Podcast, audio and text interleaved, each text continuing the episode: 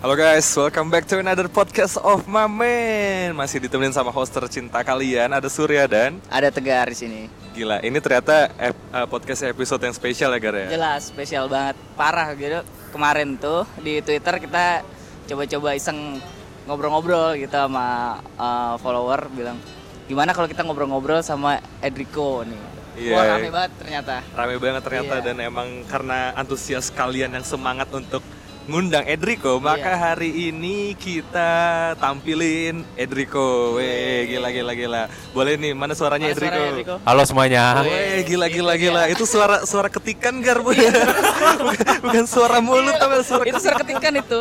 Ketikan lebih cepat dari ngomongnya. parah sih parah sih oke oke oke mungkin Edrico boleh kenalin diri dulu nih ke uh, teman-teman Mamen nih gitu namanya siapa abis itu uh, fansnya siapa gitu abis itu kayak udah berapa lama ngidol boleh Oke.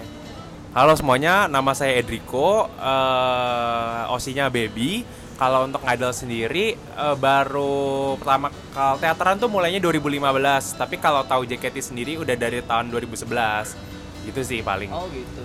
Jadi sebelum teateran ngapain aja tuh dulu? Oh, paling kan nggak sempet karena dulu kan memang dari sebelum ini kan memang demen J-pop terus demen emang Oh, demen iya. idol group kan. Jadi kan Hmm. tahu AKB juga tahu dong. Oh, ada sister Iya, iya. groupnya. Berarti basicnya dulu Ah. EKB juga ya? Oh Iya, cuman yang 2012 tuh sempat kita masih kayak terus nyoba sempat pengen nyobain yang niagang serang waktu itu Hmm. WL nggak dapet. Terus kan kebetulan karena itu kan lagi lagi kuliah tuh, Kuliah, jadi iya. memang waktu itu lebih prioritasnya ngurusin organisasi kampus dan segala Oh, iya, macamnya. aktif jadi ah, jadinya nggak nggak nyempetin Nggak waktu sempet, lah iya. untuk ngidol gitu. Nah paling baru 2015 itu tuh udah semester semester akhir tuh baru udah lebih lebih beda waktu kan, baru udah teateran.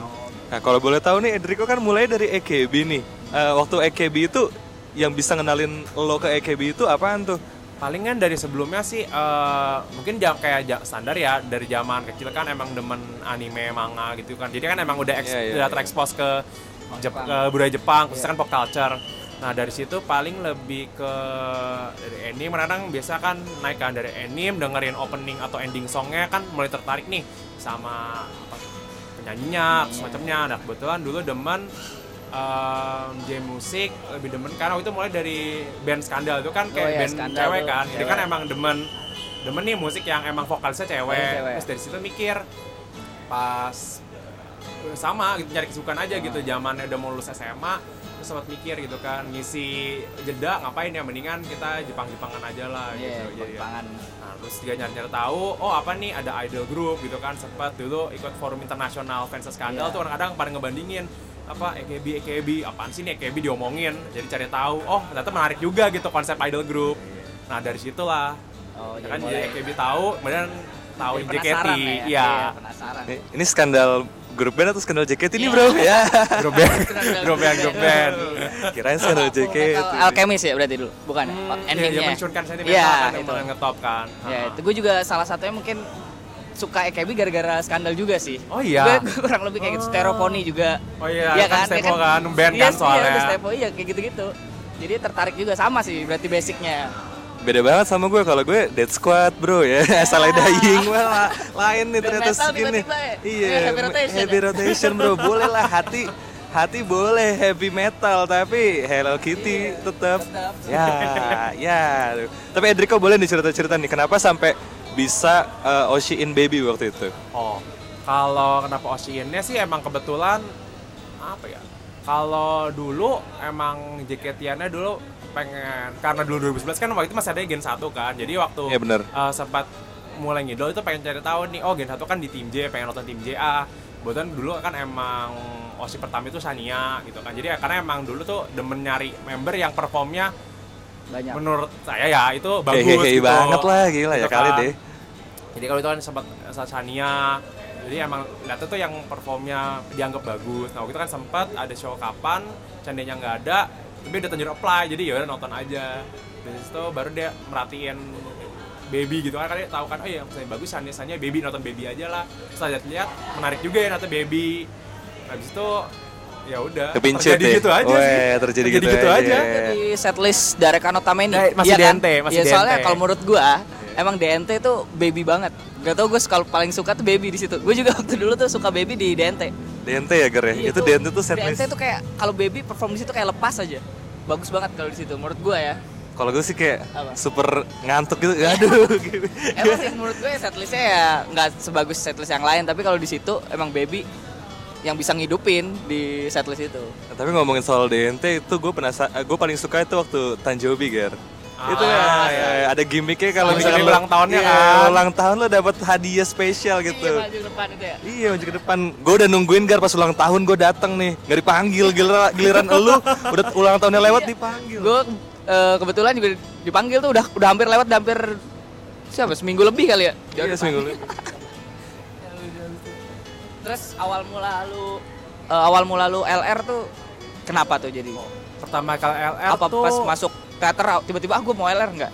enggak sih lebih ke arah dulu kan eh Nilo kan berarti 2015 ya. Iya. Berarti kan emang pertama kali LR itu juga 2015 waktu itu event Ramadan tuh lebih ke arah itu kan maksudnya namanya fans baru kan masih semangat banget tuh menggebu-gebu banget kan pengen nyari konten gitu kan oh gue pengen lebih tahu tentang Osi gue, oh gue pengen lebih tahu tentang JKT, gue pengen tahu tentang tim J dan sebagainya.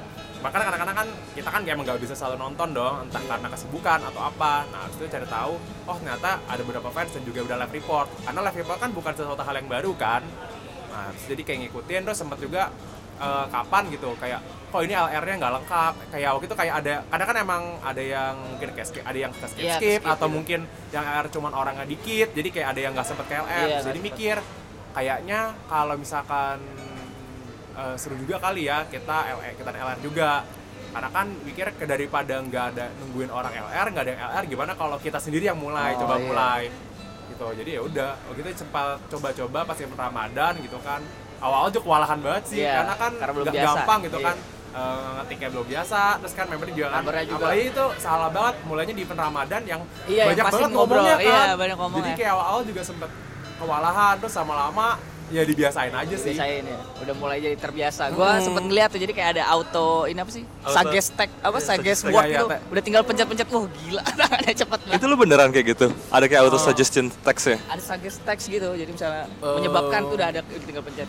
beberapa ada iya, Iya. paling kadang-kadang sih kadang-kadang kok biar cepet kalau lagu kan kadang-kadang suka ada ketak setnya kan tetap Ya. jadi paling bisa nyiapin aja gitu siapin draft aja Iya, sebelum kalau itu show gitu kan misalkan nanti unit song yang eh, lihat dari line up nebak-nebak kira-kira nanti siapa yang siapa jadi disiapin dulu aja jadi kan ketika itu tinggal send kalau MC kadang-kadang kan kita suka ngomong kalimat yang sama kadang-kadang ada predictionnya Iya. tapi ya kadang-kadang kadang-kadang autocorrect juga ganggu sih auto Ya kadang iya kadang kadang kadang kadang typo ganggu kan, juga ya, gitu malah typo terus Iya. yang ngulang lagi gitu. Iya itu kadang beberapa itu. Gue kan sempet LR juga tuh kan kalau karena Mamen tuh dulu nggak ada konten jadi ah kita LR deh gitu. Jadi menurut lo tuh yang paling susah yang bikin apa LR susah tuh apa sih yang mengganggu?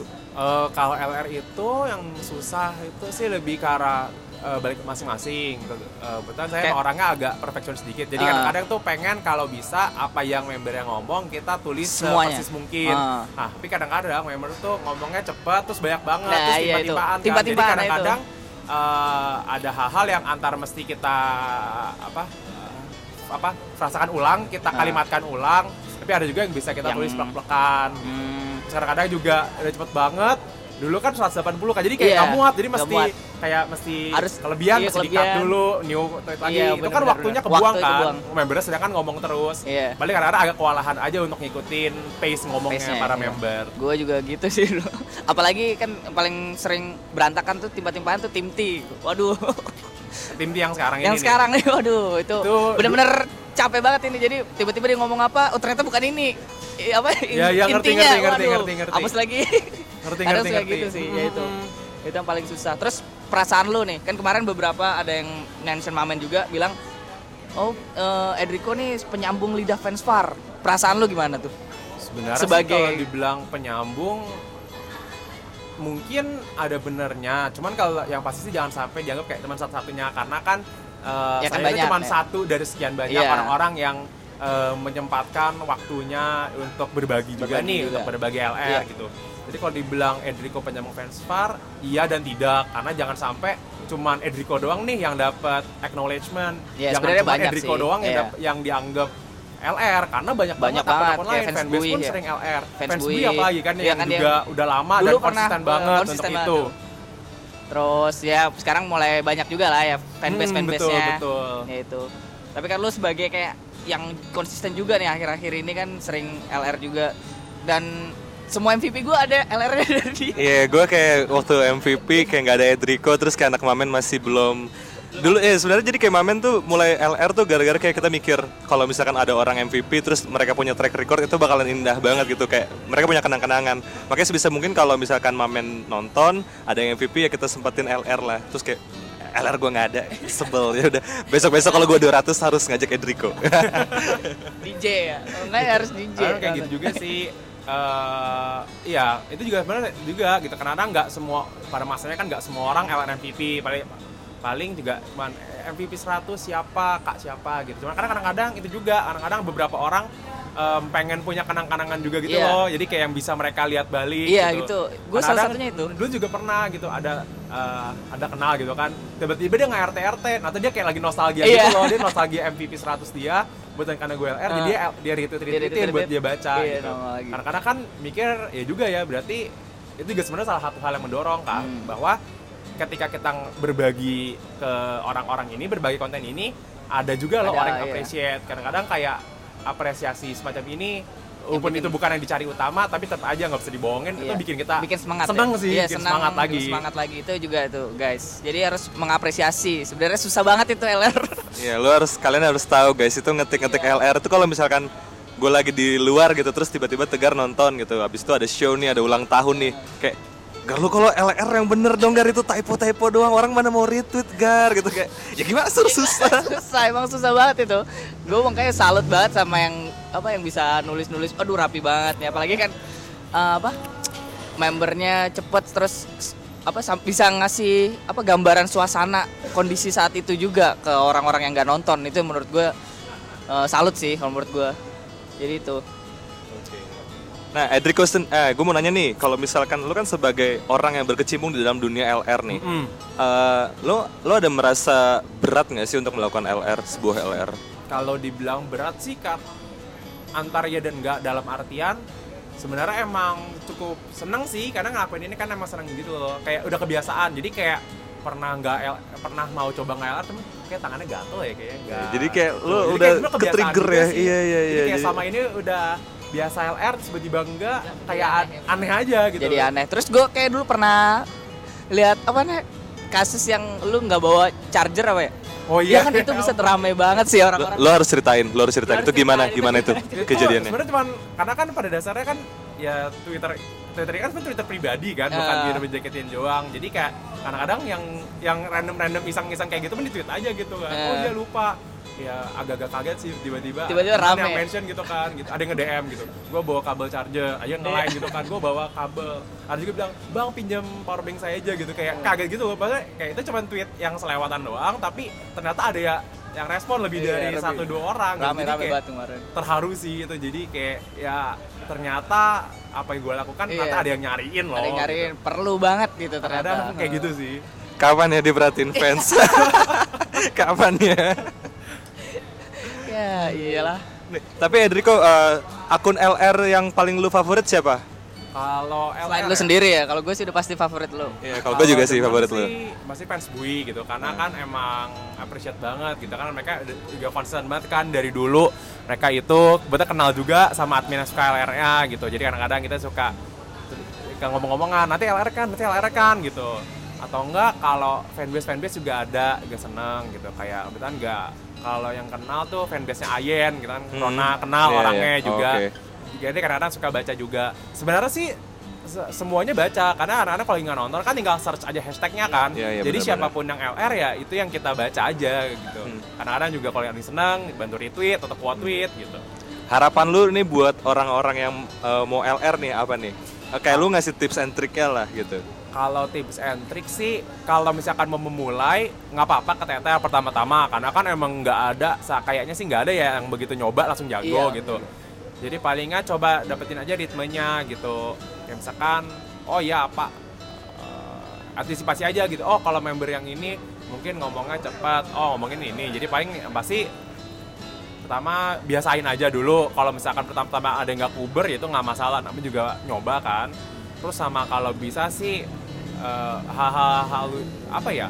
Kayak misalkan semoga provider anda bersahabat ya. Iya, kalau ini sering sih. kali kalau yang LR pun juga suka geblek gitu. Jadi kadang-kadang eh, antisipasi misalkan takut limit atau apa nih. Jadi misalkan pas di Core apalagi kalau hari itu ada setan saya karena restart handphone logout login lagi Twitter. Itu jadi biar at least handphonenya memorinya free dikit gitu. Jadi ketika nanti LR nggak akan stuck.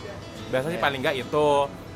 Terus kalau misalkan emang punya modem wifi gitu mau merek smartfren kayak mau bolt kayak itu boleh boleh banget tuh di Xiaomi, Xiaomi, ya. Xiaomi ya. itu bisa yang paling itu sih kalau bisa sih kalau dari awal sih kebanyakan kayaknya orang-orang seneng ya kalau misalkan dapet uh, omong uh, gambaran lengkap gitu jadi kalau bisa ya sebanyak mungkin apa yang member omongin tulis aja gitu kadang-kadang walaupun mereka mikirnya lama bertele misalkan mereka kayak ngomongnya muter-muter pun ya nggak apa-apa coba aja tulisin karena kan dari situ mungkin dari situ lebih ke gambar juga karakter mereka seperti apa sih Setuju, setuju Gitu. gue. Nah, gue mau nanya lagi nih. Lo pernah nggak dapat apresiasi dari member langsung karena LR lo? Bukan karena lo nge-support OC lo ya, bukan kayak bukan karena kayak lu lu selalu datang nonton teater kayak ngechance atau kayak gimana, tapi ini kayak karena lu LR gitu. Kalau karena LL diapresiasi gitu ya paling cuman Ya kayak ada jokes-jokes nyindir gitu kan. Eh, ini yang suka LR ya atau kayak ya Oh, ya kayak gitu. ya. Udah pasti ada. Gue waktu no- 100 sama eh, 100 sama 200 ini juga nonton kan. Waktu 100 masih DJ ya? Hmm, ya kan? masih. Oh ini nih yang suka LR. Gue denger tuh baby yang ngomong langsung. Oh iya, oh iya, Iya, iya, baby langsung yang ya. ngomong langsung. Edrikonya nggak inget loh, lu yang malah lu yang inget loh, Iya, Gar gua gimana masih sih inget Edriko nih, Gue aduh. dulu jam mulu kan nontonnya.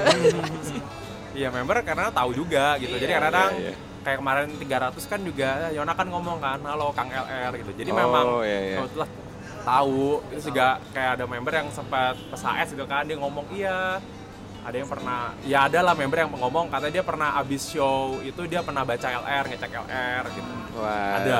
asik sih, asik sih. Nih, Edriko nih, gue punya case nih.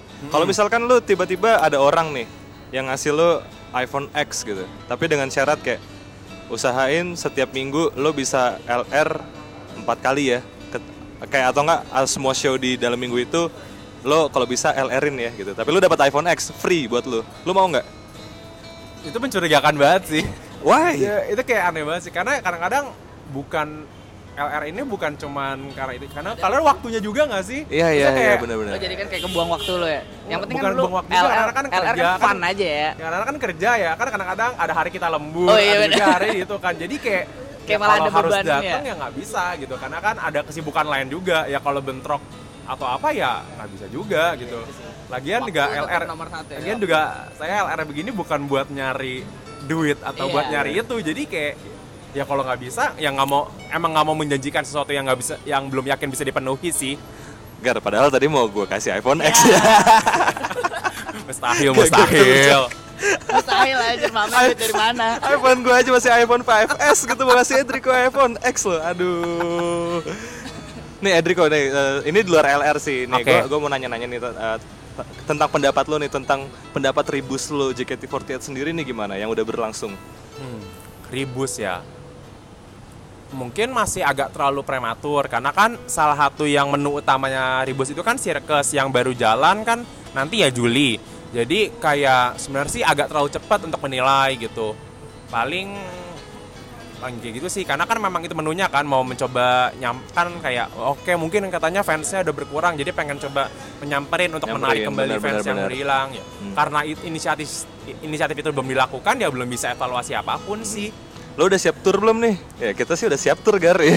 Sebenarnya kepikiran sempet pengen tapi pikir kayak pengen datang K3 itu kan kayak seminggu setelah HS Jakarta terus kayak mikir gitu kayak kayak gue udah HS udah ngomong udah udah beli tiket udah udah tahu mau ngobrol apa nanti kayak masih perlu ngobrol nggak ya? Sebenarnya masih mikir-mikir sih. Ya semoga nggak tahu sih nggak tahu deh Iya, nggak tahu iya, deh nggak tahu iya, deh. Siapa tahu ya. tahu ntar pas konser nggak ada yang LR gimana? Wah iya, udah beli udah beli, nggak mungkin. udah beli kan. tiket graduationnya Kinal belum Edrico ya? Itu sih, belum beli juga sih. Belum beli juga sih. Oke oke, nah terus juga sama ini gue mau nanya-nanya nih, Mm. eh, hal apa sih yang bikin lo nyaman di dalam fandom JKT dan hal apa yang bikin lo tidak nyaman? Oke, kalau yang seneng sih, yang seneng ya mungkin karena emang ke fokus hobinya ya JKT aneh ya. Karena emang dulu kan setelah tuasan kenapa teater kan karena suka experience-nya gitu. Karena JKT itu nggak selalu jualan JKT itu nggak jualan ben- barang fisik tapi jualan experience pengalamannya Yes, yes, gitu betul, betul. jadi kayak ketika kita datang kita bayar untuk kayak experience-nya kita ngerasain kayak rame-rame suasananya kan suasana rame-rame Iya, ngecan vibe-nya. bareng suasana bahkan kita nggak ngecan pun kita sekitar kita ngecan bareng gitu terus kayak kita coba nikmatin performance membernya dengerin MC MC yang lucu-lucu gitu juga gitu jadi kayak Hmm. paket it- JKT48 Theater itu tuh kayak one stop entertainment sih sebenarnya sih. Gila, karena gila, ada gila. banyak banget ca- en- apa cara untuk mengentertain kita yang datang gitu Lalunya kan itu terus juga membernya membernya juga tentunya menyenangkan gitu kan kita ngobrol gitu kan Mhm. kayak ada sosok yang kita sukai terus kita Wah, bisa ajak ngobrol sama siapa atau nih? apa, Iya. gitu kan misalnya ya kan senang kan interaksi Tapi lu gestrek banget gak sih sama baby? gesrek banget apa ya baby bukan member yang sering bikin orang gesrek kayaknya ya nggak tahu sih nggak tahu Iya, sih iya, Oke oke. Ya, tapi ya Tapi seneng aja sih baby tuh kayak amazed gitu sama dia gitu ya. Saya lebih Hmm, kalau Emai sih ya Ya, untuk aspek gitu. itu iya, tapi overall sih lebih ke arah daripada Emai sih lebih ke respect juga sih, ha-ha. karena kan dia juga dia sering ceritakan kuliahnya sibuk, tapi dia kayak berusaha Kayak untuk berusaha, mengimbangi kayak dan gitu. melakukan yang terbaik gitu.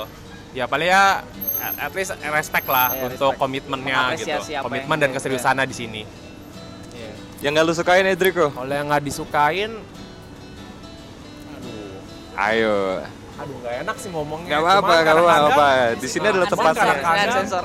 apa ya suasana fandom itu kadang-kadang suka maaf-maaf toxic sih sebenarnya Oke, emang. gitu loh kadang-kadang em, sebenarnya apa ya kalau misalkan tubir gitu ya tubir kan sering Iya, kan iya, gitu. iya, iya. oke ada kalanya tubirnya tanda kutip masuk akal dan artian kayak mungkin memang ada hal-hal yang mungkin kayak misalkan pelayanan dari JOT yang yang atau JKT yang nggak Hmm, menyenangkan hmm, hmm, gitu atau mungkin em, perilaku fans yang tidak menghargai satu sama lain dan bikin banyak orang nggak nyaman ya kayak gitu sih sebenarnya ya itu kan terjadi gitu cuman kalau yang kayak gitu sih sebenarnya nggak masalah karena at least ada hal-halnya masih bisa diselesain gitu kayak misalkan kalau ada yang nggak nyaman kita coba uh, sampaikan kritik secara ya, secara Yeah. fair secara konstruktif gitu kan kalau misalkan ada orang yang mungkin uh, nggak nyaman atau apa mungkin bisa secara komunitas kita kelarin ngomongin baik-baik tapi kadang-kadang ada juga beberapa penyelesaian konflik yang kayaknya nggak nggak Nggak ada jalan keluarnya malah ya ya. kadang-kadang ada yang cuman kayak ribut doang gitu atau nggak Iya, iya, iya. sengaja mancing doang Aha. gitu kayak atau kayak sebenarnya nggak perlu digede nggak perlu di blow up di blow up secara berlebihan Iya, iya, gitu. iya. Atau Tapi, misalkan- tapi gue mau nanya nih Edrico, Eh, lo pernah nggak sih mengekspresikan ketidaknyamanan lo terhadap fandom ini gitu? Melalui akun lo gitu? kalau ketidaknyamanan sebenarnya susah. Karena kan dulu sempat tuh em, salah satu member ada yang melakukan hal yang nggak yang dianggap nggak pantas tuh sempat mention. Dan ternyata kaget juga. Karena kayak saya berusaha ngomong dengan baik-baik, nyampain argumen dengan konstruktif, tapi ada kadang-kadang ada orang-orang yang nyamber, tapi kayak sulut emosi, jadi Iya, malah iya. kayak gue nyerang bukan membernya, gue nyerang perilaku dia yang salah, beda kan? Kita Iya, nyerang iya. membernya, Ah, setuju, sama nyerang perilaku yang salah. Gue nyerang perilaku yang salah, tapi malah ada orang-orang yang malah nimbrung terus malah nyerang membernya, kayak itu juga kaget sih, karena kayak ya bukan poin poin gue tuh gue bukan ngejatuhin membernya, gue cuma mau ngingetin doang gitu, makanya gue ngingetin dengan coba cara baik-baik, tapi malah diserang gitu kan. Itu itu berarti kayak gambarannya lo jadi batu loncatan mereka untuk bisa nyerang gitu ya. Kayak lo ibaratnya Edrico ini menjadi jembatan untuk orang-orang yang mau nyerang member-member itu. Makanya kayak dia juga sempat juga ada fans member tersebut yang juga ngomong gitu kan boleh nggak kita ngomong? Bisa bilang gitu. Lain kali mungkin dibilangin gitu lo kan followersnya banyak gitu. Nggak semua orang juga yang follow lo mungkin sepemikiran sama lo. Jadi mungkin kalau lo mau ngangkat topik ke forum harus lebih hati-hati. Nah mikir itu juga sih nggak tanda kutip gak enaknya karena kadang-kadang banyak orang yang bisa ngakses akun kita omongan kita lebih diperhatiin orang. Jadi kalau kita bisa aja kita dianggap kayak kadang-kadang Jivannya juga bilang kan kadang kayak opinion leader opinion leader gitu. Iya, gue nggak mau jadi yang kayak gitu-gituan Iya. tapi kadang-kadang beberapa orang menganggap seperti itu. Jadi kayak ya udah mungkin lain kali mesti ya udahlah Ya, coba pakai DM IG atau fan letter aja gitu. Gila. kayak gitu sih paling. Ini kadang-kadang jadi nggak iya. terlalu bebas juga ekspres ngomong Tapi emang secara nggak langsung walaupun lo emang nggak mau menyebut diri lo sebagai key opinion leader, tapi dengan apa yang udah lo berikan kepada mereka ya secara nggak langsung pasti akan Edrico adalah opinion leader gitu loh.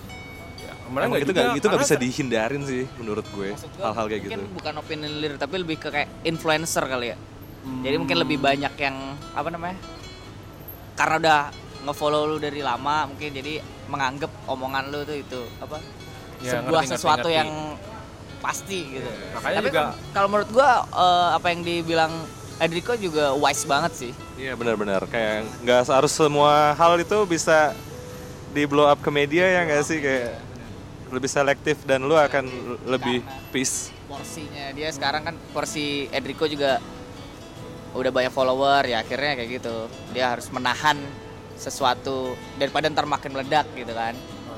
Makanya karena kalau punya kadang-kadang sering itu misalkan kan tahu ada tubir ini, tubir itu gitu ya. Cuma Hmm. kadang kayak ya udah gue kalau bisa nggak usah nge-tweet soal itu karena ya itu tadi kadang-kadang uh, suka malah ngeblow up isu yang mungkin belum kebukti bener Iya. atau mungkin ya isu-isu sensitif yang mendingan kita diem aja Diem- diem gitu. aja, Jadi iya. paling kalau nggak tahan pengen ngobrol paling juga ngobrol sama temen yang emang kita tahu aja Iya, gitu itu yang kayak lebih- yang bisa lebih internal Nah, gitu lebih ya. internal gitu aja sih gitu. Atau pagi tunggu dulu siapa tahu kan ntar kayak oh ternyata salah gitu. Oh ternyata isunya salah atau apa. Kan lebih enak kita ah, lebih hati-hati daripada kita malah memperbesar isu yang salah iya gitu kan. bener kayak gitu sih. Iya setuju sih gua. Kan jadinya ya jarang leb- akhirnya mikir gitu ya udahlah gue nggak usah terlalu banyak ngomong nggak gitu Ngobrolin. mendingan coba kita lakuin hal yang udah ketahuan mungkin orang-orang follow gue tujuannya buat nyari LR ya udah mungkin Ya, gue itu. lebih fokus ke sana aja mikirnya Bener. gitu sih Siap-siap ada akun anonim Enrico untuk menyampaikan apa, apa yang dia rasakan ya. Oke oke, ini mungkin yang terakhir Enrico. Eh, Oke. harapan lu untuk JKT48 nih, gue pengen sih lu ngebahasnya tentang short term dan long term ya. Kalau untuk short termnya sih ya semoga apa yang udah manajemen planningin buat Tribus di fase satu ini yang di Jawa Tengah, Jawa Sirkus Timur ya? sama Jawa Barat itu sirkus itu bisa jalan lancar dan juga ya paling nggak semoga em, fans-fans di regional pun bisa aktif juga gitu dalam artian Betul, kayak betul. kali ini kadang-kadang suka banyak ngomong kan gitu oh iya nih ke member mention iya nih saya far saya belum bisa Yeah. nggak bisa datang nah sekarang nih saatnya teman-teman kalau memang apa jangan sampai ngelewatin momen ini. Betul, karena eh, mereka tuh nggak datang buat perform doang tapi juga ada handshake bisa two shot juga gitu Iya, kan. Jadi ya semoga sih semua orang dari daerah-daerah yang ada waktu yang daerah didatengin atau deket situ gitu bisa sempetin waktu berdatang dan semoga bisa have fun sih yang penting. Iya. semoga yang penting bisa have fun. Fun. kalau untuk long termnya sih eh, kan eh, manajemen JOT dan JKT kan menjanjikan adanya perubahan ya. Semoga sih itu nggak cuman jadi gimmick marketing doang dalam artian memang eh, sadar atau nggak sadar gitu namanya bisnis tuh harus berubah gitu Iya. loh kalau kalian mau survive atau kalian mau tetap nyari pro bisa nyari profit ya kalian juga harus berubah gitu. Kalau ada feedback consumer eh, coba dengerin juga gitu. Karena ya bisnis sekarang udah mulai geser sih lebih ke consumer base gitu bahwa memang kita nyediain produk itu untuk yang bisa memenuhi kebutuhan konsumen. Iya betul betul. Emang kayak kalau mau ciptain unit bisnis emang kita harus tahu juga gitu. Kak ini ada ada pasarnya nggak? Kalau nggak ada pasarnya buat apa diciptain? Nah Ya iya sih? gitu. Semoga sih kayak gitu Mas Teh bikin aturan-aturan, policy-policy yang juga mengakomodir em, fans juga gitu. Jangan jangan cuman bikin karena kan sering kali kan kadang-kadang policy yang dianggap fans nggak perlu diadain tapi malah malah memotong kayak engagement atau kesenangan dari fans. Iya, Jadi iya. kayak istilahnya kayak kalian bilang eh, mungkin kayak kita harus meribus meribus atau kita harus berubah tapi ternyata perubahan dilakukan ternyata tidak sesuai dengan kebutuhan lapangan atau kebutuhan pasar yang ngapain berubah kayak gitu Mhm, mhm. malah bikin kalian makin gak disukain Iya, gitu istilahnya semoga gitu sih bisa maju ke depan eh, berdasarkan juga dan terbuka pada masukan dari fans Gila. Gar kali ini Gar kita dapat Apa? narasumber yang asik banget untuk diajak ngobrol. Iya, Gila. Eh, ternyata ternyata di luar sebuah LR yang biasanya ya kalau kita ngeliat Edrico itu pasti kayak dia men- menuliskan apa yang member ucapkan ya. Ternyata Iya. kayak Edrico sendiri punya ide-ide yang memang asik banget sebenarnya untuk Iya, sebenarnya dibahas ba- ya. bagus banget Iya, Ya, iya, bisa ada gambaran lah Iya. buat kita juga Ah. ternyata eh, apa fandom fandom tuh banyak yang berpikiran bagus buat JKT48 ke depannya Iya bener Gar. Jadi kayak Edrico itu bukan cuman Kang LR loh, tapi kayak kalian bisa untuk mengajak Edrico untuk diskusi Iya, hal-hal bisa tuh. tentang JKT48 gitu Setuju. loh. mungkin kalau diskusi bisa nggak habis habis nih kita di iya sini. iya iya benar. Tapi satu hal lagi nih guys, kayak Edrico itu memulai LR eh, basicnya itu udah yang tough gitu loh Ramadan jadi kayak dia udah dibesarkan dengan Iya, sesuatu bener-bener. yang sesuatu yang sangat sulit jadi kayak ke, Dimulai dengan Ramadan. Eh, ke sini dia jadi udah mulai pro ya Ja- dan kita- harapan kita sih semoga kalian selalu appreciate apa yang Edrico udah lakukan sih karena ya hal-hal kecil seperti minjemin power bank atau say thank you atas apa yang udah dia lakukan itu akan menjaga dia untuk tetap bisa berkreasi dengan baik. Oke mungkin itu aja kali ya Ya, itu doang. untuk untuk hari ini. Semoga kalian terhibur. Jangan lupa untuk follow Mamen di Twitter @mamenofficial. Jangan lupa juga untuk baca artikel kita di mamen.id. Mungkin sekian dari kita buat hari ini. Gue Surya. Gua Tegar. Ya, dan saya Driko. See you on another podcast, man. Bye bye. Yo.